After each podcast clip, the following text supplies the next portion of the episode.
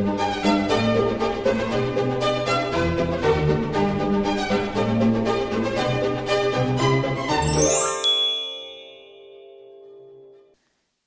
och välkomna till Kungligt. Med Jenny Alexandersson. Och Sara Eriksson. Och idag så ska vi fokusera helt och hållet på prins Carl Philip och prinsessan Sofias bröllop. Det gick ju av stapeln den 13 juni 2015 så de firade ju femårig bröllopsdag i år. Och eh, sommaren den är ju liksom en högsäsong för bröllop och eh, även om de flesta svenska bröllop har hållits på försommaren så sätter de ju även trender för många bröllop efter dem i flera år. Och eh, som sagt, i år firar de då träbröllop, fem år som gifta så att vi ska helt enkelt grotta ner oss i alla detaljer kring det här bröllopet. Ja, men det är ju härligt tycker jag att se tillbaka på sådana här positiva, stora händelser.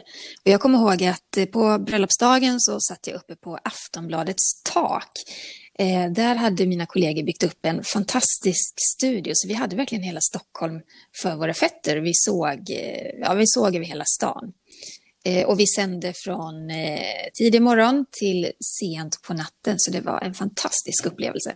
Det låter som många arbetstimmar där för dig, sitta och vara på topp och ha koll och, och liksom hela tiden ha någonting att säga. Ja. ansträngande men rolig dag om jag får gissa. Det var jätteroligt, det, det var det. Ja men vad kul. Och vad jag, gjorde du? Nej men jag var ju absolut en nörd av rang redan då, eh, såklart, angående det kungliga. Men jag jobbade ju inte med det här då, men jag drömde ju om det. Men jag satt faktiskt hemma hos mina föräldrar som bor i Nora. Jag var uppklädd till tänderna jag hade bakat tårta, eh, hade på mig glittrigaste örhängena och var verkligen, det var som att jag skulle få gå på bröllopet. Men oh, jag följde det bara från tv och jag blev ju tokig när någon så här bekant till mina föräldrar kom och plingade på dörren mitt under vigseln. Och jag tror att jag skrek något så här, men vad gör ni ute nu? Vill du gå hem? De bara, va? Vadå? Jag bara, det är ju prinsbröllop. De bara, vem är det som gifter sig? De har liksom inte riktigt, de var inte med. koll. Nej det är mitt i vigseln. Men ja, det var en väldigt trevlig dag och jag satt liksom klistrad från tidig liksom, sändning till, ja vi fick ju följa hela bröllopet så det blev ju mm. fram på kvällen. Så att eh, det gjorde jag den dagen. Men det är fem år sedan de gifte sig, prins Carl Philip och prinsessa Sofia och däremellan så hann vi även med ett annat kungligt bröllop när Madeleine gifte sig. Ja men precis. Och det har ju varit tre kungliga bröllop men verkligen tre olika profiler. Och jag kan ju tänka att när Sofia och Carl Philip gifte sig så då, de har verkligen lyckats sätta sin egen prägel på det. Och den här känslan när prinsessan Sofia kom in med sin pappa vid sin sida, redan där så anade man att det skulle bli någonting, någonting annat, lite mer modernt, något helt nytt. För hon gick ju inte in till en psalm eller bröllopsmarsch, utan paret hade valt en låt av artisten Enya. Jag ska inte ens uttala namnet på det. Nej, det är svårt. Eh, men vi, vi lyssnar hur det lät.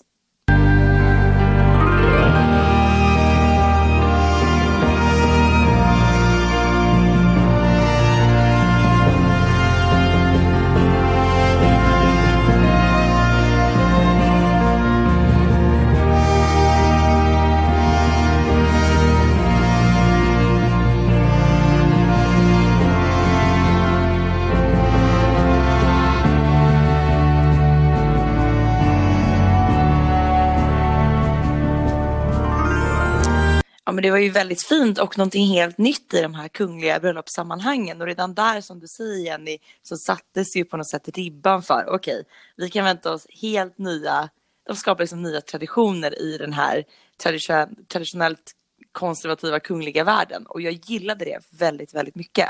Mm. Och vi såg ju också att eh, prinsessan prinsessa Sofia, hon gjorde ju som eh, både Madeleine och, och Victoria tidigare. Hon hade inga brudtärnor, utan hon hade brudnäbb istället. Mm. Och då såg vi prins Carl Philips systerdotter, prinsessan Estelle, prinsens kusinbarn, Anne och Chloé Sommerlath. Det är ju barn till, eh, hjälp mig nu, vad heter han? Nu jag tappade. Patrik. Patrik Sommerlath. Jo, Patrik ja. Sommerlath. Och, eh, och Patrik Sommerlath är ju eh, brorson till drottning Silvia. Och sen såg vi också Sofias guddotter Tiara Larsson som är dotter till en av hennes allra bästa barndomsvänner. Och det kommer jag ihåg för att när prinsessan Estelle då utgjorde brudnäbbet, det var som att det blev liksom nästan för mycket för kronprinsessan Victoria att ta in. Att se dels sin dotter i den här liksom stora stunden och också då sin, sin bror få gifta sig med sin kärlek. Så då kom ju tårarna ganska fort på kronprinsessan Victoria. Mm. Och prins Carl Philip han väntade ju på sin blivande fru framme vid altaret och han stod tillsammans med sin gode vän Jan-Åke Hansson som var best man. Visst har de känt varandra sedan skolgången tror jag? De har känt varandra länge. Eh, ja, men det varit har nära vänner. Ja. Sen Lundsberg, jag tror till och med de delade rum på Lundsberg så att de har verkligen varit sammansvetsade i många, Ja. många år. Ja. Och den här klänningen som Sofia gjorde entré i, den var ju fantastisk. Det var ju då en klänning som var helt gjord i eh, helsiden som då dupliceras med italiensk siden organza. Och sen var det så små, små spetsapplikationer i sån couture-spets. Ja, just det, precis. Och det var ju han den här José Maria Ruiz som hade gjort det. Han är Spets, väl en ja, expert på, på spets. Ja, jag tror liksom varenda liten detalj var ju liksom handklippt och sen hade de här då sytts fast, tillsammans med Ida Sjöstedt i hennes ateljé i Stockholm. Så att det är ett, som vanligt ett riktigt sånt hantverk, ett riktigt mästerverk. Och det är ju någonting, det finns ju så mycket spänning och intresse i vad det är för brudklänning. Ja, och Ida Sjöstedt har ju varit en favoritdesigner för Sofia. Eh, hon har gjort många klänningar till prinsessan. Mm. Så de känner ju varandra ganska väl. Och kul också att hon valde då svensk design vid den här stora dagen. Eh, och Sofia bar ju även en helt ny slöja då som hade skapats i eh, en tunn brudtyll. Och även där så var det då handbroderade applikationer av så här väldigt skir bomullsspets. Eh, Sofia hade även önskat de här långa ärmarna för att då men att dölja tatueringar var det ju inte tal om. Utan man hade pratat om det innan. Att så här, hur ska det bli? Kommer hon, hon har en tatuering i nacken. Ska de dölja dem med någon klänning? För det hade man ju kunnat gjort. Men jag älskar att Sofia valde att inte göra det. Ja, och eh, sömmerskan Matilda Olsson, hon har ju berättat i, i medierna att eh, eh, men hon var väldigt glad över det, att det var, det var inte tal om det. Hon hade ju sytt klänningen, konstruerat mönstret och hon hade även gjort klänningar till prinsessan Estelle och de andra brudnäbbarna. Ja men jättefina. Men vad tyckte du om hela den här klänningen? Liksom, du satt ju ändå där i studion, följde allting och måste liksom ha kunnat sagt någonting ganska snabbt om den här klänningen. Ja, men jag tycker den var vacker och den passade Sofia som handen i handske. Det, det var mycket hennes stil. Eh, men den var inte överdådig, den var inte, eh, den var inte lika klassisk kanske som kronprinsessan Victorias. Och jag måste säga att även om jag tycker att den var jättevacker så blev jag nog ännu mer förtjust i den här klänningen som Sofia bar kvällen innan på förfesten när det var stor middag för alla gäster. Och om ni inte minns den så var det en fantastisk klänning den var ljusblå med glittrande stenar på livet och ner över kjolen och en, en ganska modig slits. Och det var libanesiska designern Suher Murad som hade gjort den. Ja, men den var väldigt snygg. konstverk. Ja. Och så ett Och litet det- släp. Och så snyggt med den här ljusblåa färgen i den här Ett sommar-Sverige. Ja men det, det passade väldigt bra och klädde Sofia väldigt, väldigt snyggt. Men vad Jag- tycker du om brudklänningen? Ja, men jag tycker att den var ju lite så här, den var som du säger diskret på ett sätt, eh, ganska nedtonad men ändå väldigt fina detaljer och det är ju lite så här Grace Kelly feeling över den här eh, med de här långa spetsärmarna. Eh, jag tycker den var väldigt vacker och jag tror att det fanns nog en ganska så här tanke kring det hela att kanske ligga lite lågt. Eh, att välja en ganska diskret, diskret brudklänning och så vidare. Men väldigt, väldigt snyggt. Men framför allt så var det ju väldigt kul att se det här diademet. För det var ju ett diadem vi inte har sett tidigare. Ja, men verkligen. Eh, ett briljantdiadem med smaragder. Och det hade hon fått i gåva av kungaparet på bröllopsdagen. Och det sägs då att det här diademet från början var en gåva som drottning Silvia fått av en prins i det thailändska kungahuset. Att det var ett eh, halsband från början. Och att man då gjorde, lät göra om det till ett diadem. Och hon har ju burit det här så många gånger efter bröllopet. Och så, det roliga med det är att man kan ju utforma det på olika sätt. För smaragderna går att ta bort. Så hon har burit det dels med smaragder, dels helt utan. Och vid några tillfällen även låtit montera pärlor och turkoser på Precis. de här piggarna. Det sågs ju nu senast vid eh, Nobel så hade hon faktiskt de här turkoserna som matchar hennes klänning. Och eh, det får ju väldigt många anv- användningsområden där diademet just när man kan montera om det på så många olika sätt. Så att det här var verkligen en genomtänkt gåva till henne på, på bröllopsdagen och det är då hennes privata diadem som, som är hennes. Eh, så att det är nog inte sista gången vi har sett det om vi säger så. Nej, precis. Och sen Nej. var hon också väldigt vacker i håret tycker jag. Eh, ja. Hon hade en liten myrtenkvist i den här håruppsättningen eh, och det är av gammal tradition. Eh, och sen var det lite roligt att se att den som hade gjort den här fina håruppsättningen, det var ju Marwan Hitti, eller Marre Hitti, en god vän till henne som hon lärde känna när hon var med i Paradise Hotel. Precis, de var ju med i samma säsong. Mm. Eh, och sen har ju de liksom hållit kontakten och idag så är han, gör ju han ofta henne. Ja, eh, och makeupen gjordes av William Wernlid och det är också en väldigt god vän till Sofia. Så det är fint att se. Hon samlar verkligen sina sina duktiga vänner omkring sig. Ja, men det är väl precis det man ska göra en sån här dag när nervositeten är på topp. Då vill man ju verkligen ha dem som man står nära. nära mm, så att. Ja, verkligen. Så det kan man ju förstå. Och det du sa där om myrtenkvisten, den hade ju Sofia även då i brudbuketten. Ja. Ja, väldigt fint. Det var väldigt varmt inne i, i kyrkan så man kan ju tänka sig att det var Sofia hade ändå en klänning på sig. Carl Philip han hade ju den här stora mässdräkten i modell 1878. Där inne var det nog varmt. Det var nog varmt. Ja. och man fick ju se att de kämpade lite med att få på eh, Sofias vigselring. Och det väckte ju en del skratt och leenden bland alla kungligheter och, och gäster. Men det löste sig till slut. Men man såg verkligen att de kämpade där. Men man kan tänka sig i den där värmen, lite stress, det är nog ganska lätt att fingrarna mm. blir lite svullna. Liksom. Så att, och sen också i de sekunderna stressen, att man inte får på ringen, det är klart att det hinner hända mycket då. Men det fanns ju liksom en till sånt där spänt moment inne i kyrkan, förutom den här ringen som inte gick på. För att prinsessa Madeleine, hon var ju verkligen höggravid och har i efterhand berättat att hon var liksom öppen under vigseln.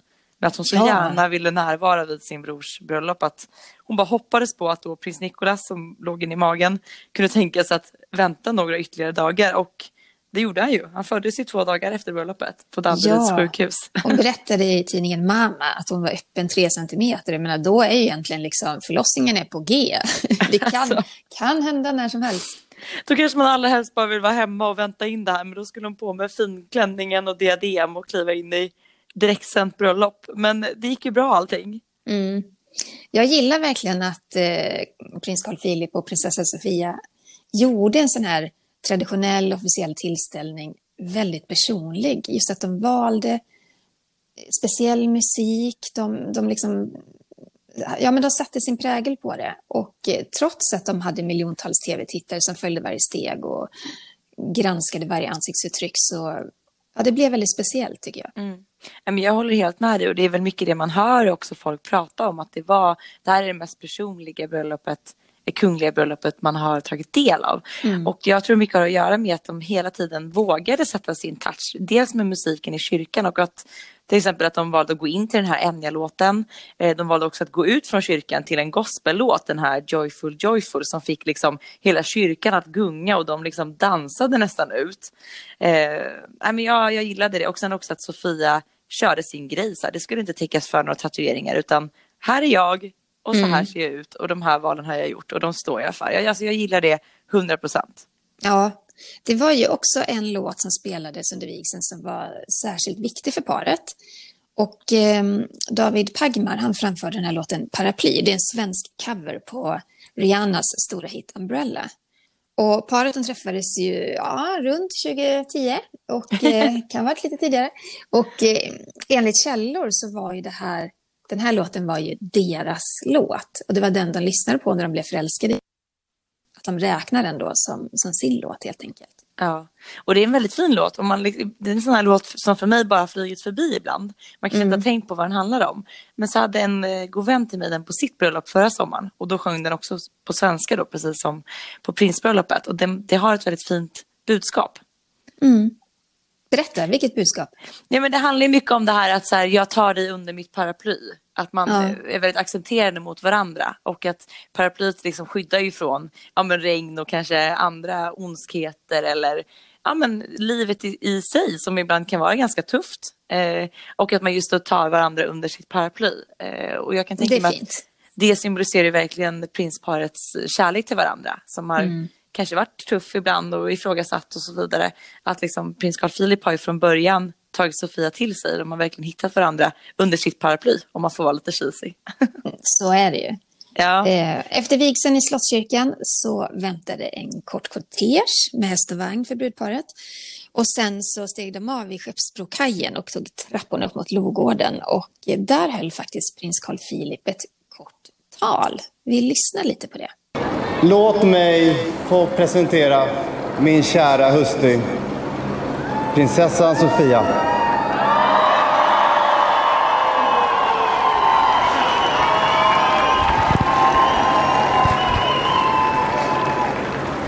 Jag vill med stor ödmjukhet tacka för att ni har valt att komma och dela våran glädje. Ryan Reynolds here from Mint Mobile. With the price of just about everything going up during inflation, we thought we'd bring our prices down. So to help us, we brought in a reverse auctioneer, which is apparently a thing. Mint Mobile unlimited premium wireless. Ready to get 30, 30, bit to get 30, bit to get 20, 20, 20, bit to get 20, 20, bit to get 15, 15, 15, 15 just 15 bucks a month. So, Give it a try at mintmobile.com/switch. slash $45 up front for 3 months plus taxes and fees. Promo rate for new customers for limited time. Unlimited more than 40 gigabytes per month slows. Full terms at mintmobile.com. Kanske ett av våra viktigaste och vackraste minnen som jag och Sofia kommer bära med oss. Att så många vill vara här och fira kärleken visar att Sverige är ett varmt land. Ett land med mycket kärlek. Stort tack!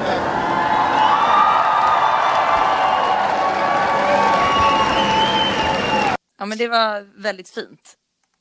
Ja, men jag. kort och koncist och, och just det där att han, eh, ja, att han tackar svenska folket. Ja, det gillar jag. Och även Och kungen talade. tydligt så här att så här, nu är det här min hustru nu. Mm. Alltså jag gillar det.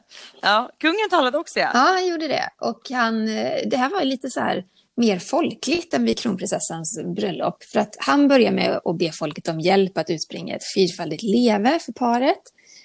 Och eh, sen så göd kanonerna över Stockholms ström när man sköt salut för paret. Så det, det kändes som att allting var mycket mer lättsamt. Och det, så ska det ju vara. För Ja. att eh, det här parets kungliga status ligger ju under kronprinsessparet såklart. Så att de hade nog mer frihet att göra lite som de ville, tror jag. Mer. Alltså, finns det något moment där vår kung är liksom sitt bästa jag mot när han får just utbringa ett fyrfaldigt levande? Det finns någonting över det hela som jag bara älskar. Ja, men det är skönt. Man ser det på Victoriadagen också när han ska Exakt. ta i från tårna. Och liksom vifta med hela armarna så här.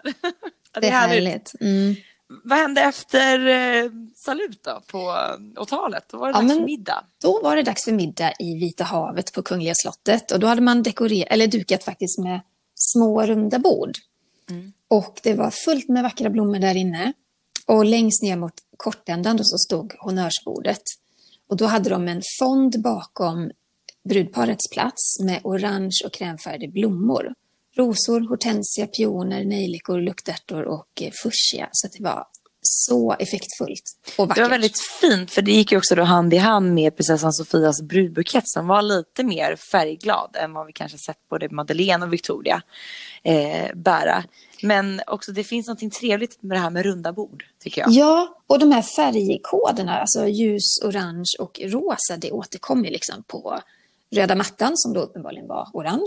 Mm, precis. och eh, ja, men i, i flera saker, inbjudningskorten, allting. Så det var väl genomtänkt. Men Carl Philip är ju tråd. designer, så att man är inte förvånad. Nej, exakt. Det är klart, det där har ju han ett öga för. Mm. God mat fick de också. Serverades vit sparris, havskräfta med spishalsad pilgrimsmussla, lättrimmad gös och en persika och hallontartelett. Mm, gott. Mm.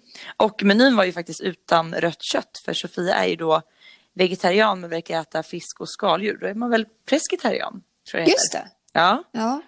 Och sen kommer vi till det härliga, bröllopstårtan. Och det är alltid eh, något magiskt över det Ja, men visst är bröllopstårtor. det. För eh, de här stjärnkonditorerna, Martin Isaksson och Martin Lundell, de kom ju upp till Aftonbladets studio på taket efter bröllopet sent på natten. Och så hade de med sig en del av den här bröllopstårtan.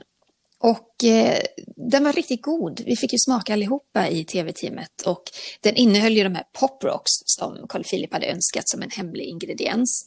Och lyssna på det här, en enda tårtbit kan gå loss på en tusenlapp.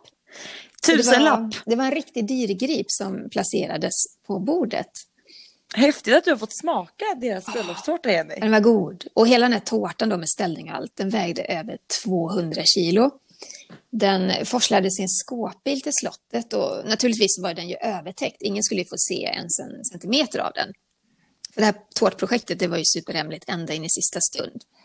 Men det finns ju hissar på Kungliga slottet. Men den här tårtan fick såklart inte plats i hissen.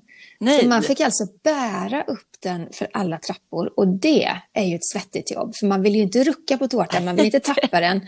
Man vill inte att den ska röra sig ens en millimeter. Liksom. Det är inte läge att komma fram när den har fått sig en liten törn, så att säga. Nej. Nej. Men när den här goda poppande desserten eh, var uppäten så genomförde ju faktiskt prinsessan Sofia en liten kupp. För att det var ju ingen som visste att hon skulle ställa sig upp och tala. Men eh, hon har alltid gått sin egen väg och det var ju någonting som, eh, ja, men som hennes pappa sa i sitt tal till henne. Och någonting som Sofia själv upprepade när hon ställde sig upp.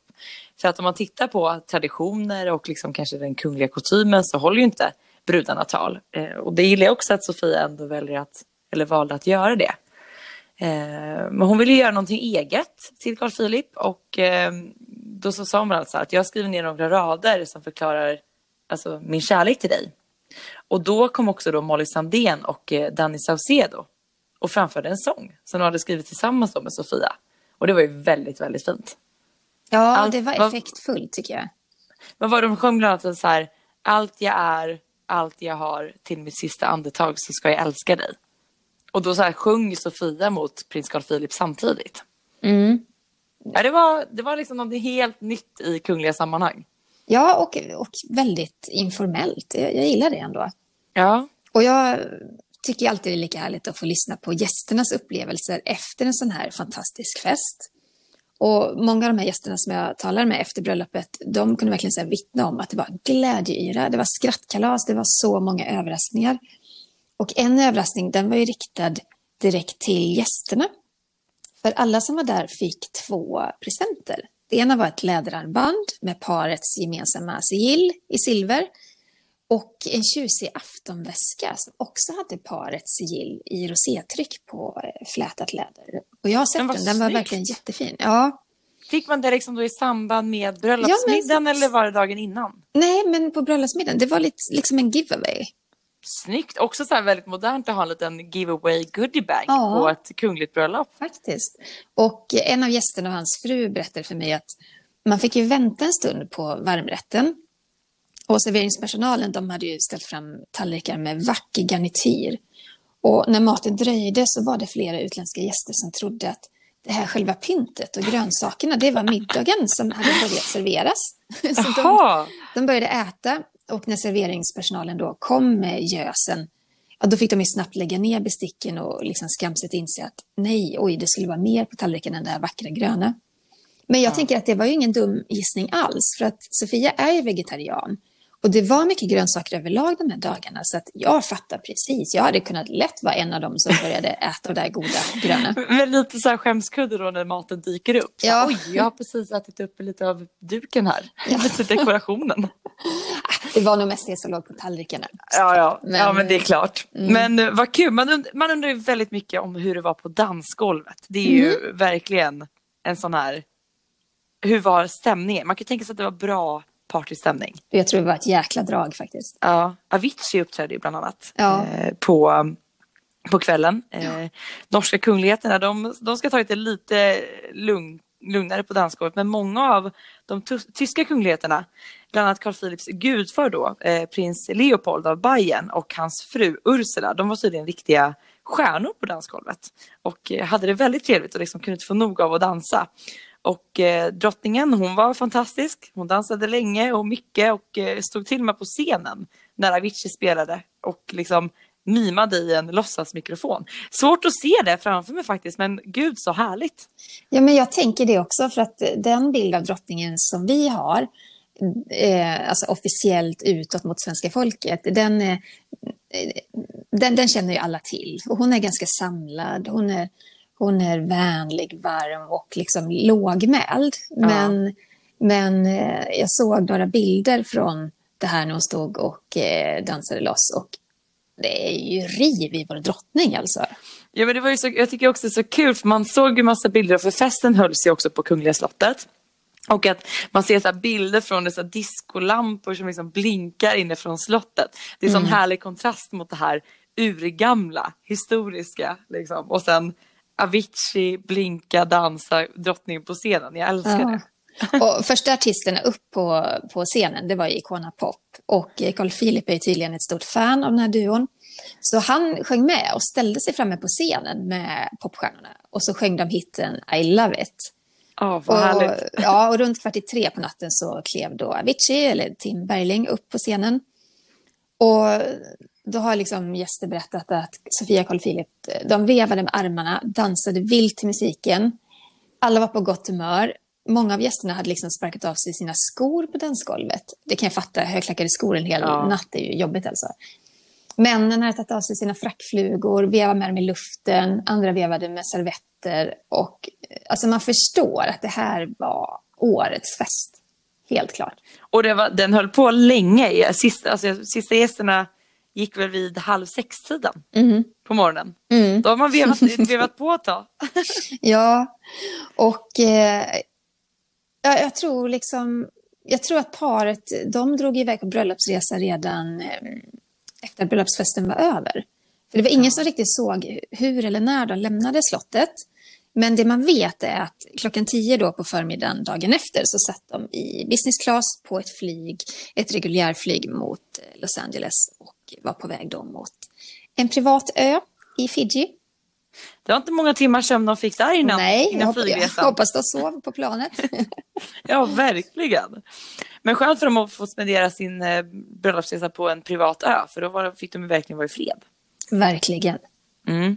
Men det som är intressant med de här kungliga bröllopen, det är att det är ju inte bara bröllopsfesten, utan det bjuds ju på en tillställning kvällen innan.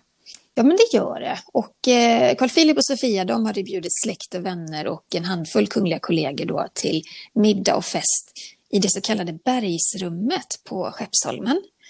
Och allt gästerna visste den här dagen då, det var ju att de skulle samlas på Strandvägen och att det skulle bli en avfärd med båt klockan 18.00. Och man höll den här destinationen hemlig. Inte bara för att det skulle vara en överraskning utan för att man ville också hålla platsen hemlig för pressen. För den här middagen var jätteprivat. Och lokalen då som var en väldigt speciellt val av lokal, den var ju så här fantastiskt smyckad med kristallkronor i taket och eh, stora kandelabrar överallt och det var liksom dukat med flera små bord. Och gästerna hade då parats ihop efter så gemensamma intressen och språk så att det skulle kunna bli en så här skön blandning som möjligt bland gästerna. Genomtänkt. Ja, men verkligen. genomtänkt. Och eh, Carl Philip höll ett tal till sin bli- blivande fru. Eller ja, tal. Alltså han hade valt två låtar som han dedikerade till- henne. Och en av dem var Bruno Mars Just the way you are. Och eh, han dedikerade den då med orden När jag hör den här låten så tänker jag alltid på dig, Sofia. Ja, det är fint. Och det är gulligt. också en fin låt. Den är väldigt sån accepterande att man gillar varandras sidor i alla lägen. Mm. Ja. Och eh, eh, Victoria och Madeleine, de höll ju tal tillsammans. Det hade man gärna velat sett tycker jag. Ja, men verkligen. Ja, och de pratade då bland annat om att Carl Philip eh, är så hemlig av sig. Och Victoria nämnde bland annat att Carl Philip åkte iväg till USA för att plugga och att eh, han kom hem som en helt ny människa. Och han sa, hon sa bland annat så här, och plötsligt så var du designer, men bring it on, du gör så snygga saker. Slutcitat. Och, så, Så att, eh, ja, och de pratade Väldigt hyllande. att han, ja men de tog upp lite, lite kritik där. För att de pratade även om hans oförmåga att ta beslut. För de Mm. menade att han aldrig kan bestämma sig, inte ens vid frukostbordet när han ska välja mellan ost och skinka. Då håller han på i all oändlighet. Och Victoria drämde till med ett hur svårt kan det vara, sa hon i talet. Även solen har fläckar. Mm. det verkar vara hans då, beslutsångesten inför frukostpålägget. Precis. Ja, men det var ett mycket hjärtknipande tal som eh, Sofias bästa vänner då från Älvdalen höll. Eh, så att eh, det kan man ju tänka sig, de har ju fått verkligen vara med på den här resan från start. Mycket känslor inblandade. De pratade ju om hur olika de är som personer och hur olika deras liv blivit men att vänskapen består. Och det kan man ju tänka sig från att ha vuxit upp tillsammans i lilla Älvdalen till att Sofia nu banar väg som prinsessa. Så att det blir lite olika riktningar. Men fint att man ändå fortfarande står samman som väldigt goda vänner. Ja, men precis. Och stämningen där var ju på topp hela kvällen och Carl Philip och Sofia, de satte ribban genom att dela ut shots till gästerna ganska tidigt. Och de här shotsen delades ut efter vissa prestationer. Eh, den gäst som hade osat först till bröllopet fick 20 shots. Oj! En, eh, jag tror den personen delade säkert med sig. Vi hoppas väl det. Eh, en annan gäst fick shots för att eh, personen hade rest längst av alla till bröllopet och så fortsatte det på det viset. Och de andra gästerna de fick då skåla med en limoncello. Ändå lite stökig fest sådär. Ja, det tror jag nog. Det var nog Ja. många som var trötta på själva bröllopsdagen. Jag fick ta en resord på morgonkvisten. Mm. Ja. Men framåt natten så förvandlades ju den här festen till en riktig sån här tusen och nattdröm. Och gästerna fick då sitta på så här runda kuddar och det låg mattor på golvet och eh, en del av lokalen där man liksom, där kunde man röka vattenpipa. Så det var väldigt så exotiskt. Ja, men verkligen. De hade hängt tygskynken på väggarna och i taket och det bjöds då på libanesisk vickning. Magdansöser dansade och inte förrän det började ljusnade så började gästerna dra sig hemåt. Men alltså vilken fest och ändå så här otippat tema på en kunglig bröllopsuppladdning, så här tusen och natt-tema. Det är också helt unikt. Ja, men framför allt och jag- om man ska sammanfatta då liksom både bröllopet och den här middagen innan. och det är att jag tycker verkligen att det här paret har lyckats med att skapa någonting eget mitt i det informella, eller mitt i det här officiella och eh, traditionsenliga. Mm. Så lyckat. Och banar liksom väg för nya kungliga sätt att gifta sig. Mm. Att så här, man ska nog våga ta ut svängarna lite för att nu är det 2020 och, eller då var det 2015. Men att så här, man, man behöver inte alltid gå på den där redan upptrampade stigen utan så här, kör på, kör er en grej. Jag gillar det väldigt mycket. Det. Mm. Hörni, kära lyssnare, missa inte skicka in lyssnarfrågor till oss, det gillar vi. Mejla till kungligt aftonbladet.se. Det går så fort när vi spelar in podden. Eh, och glöm inte att följa oss på sociala medier för där uppdaterar vi med kungligt eh, så gott som dagligen. Vad heter du där Jenny? Eh, Jag finns på Instagram under kungligt med Jenny. Och jag finns på royalistan.se. Tack snälla för att ni har lyssnat. Njut Ja, av sommaren och solen. Ha det bra, hej då! Hej då!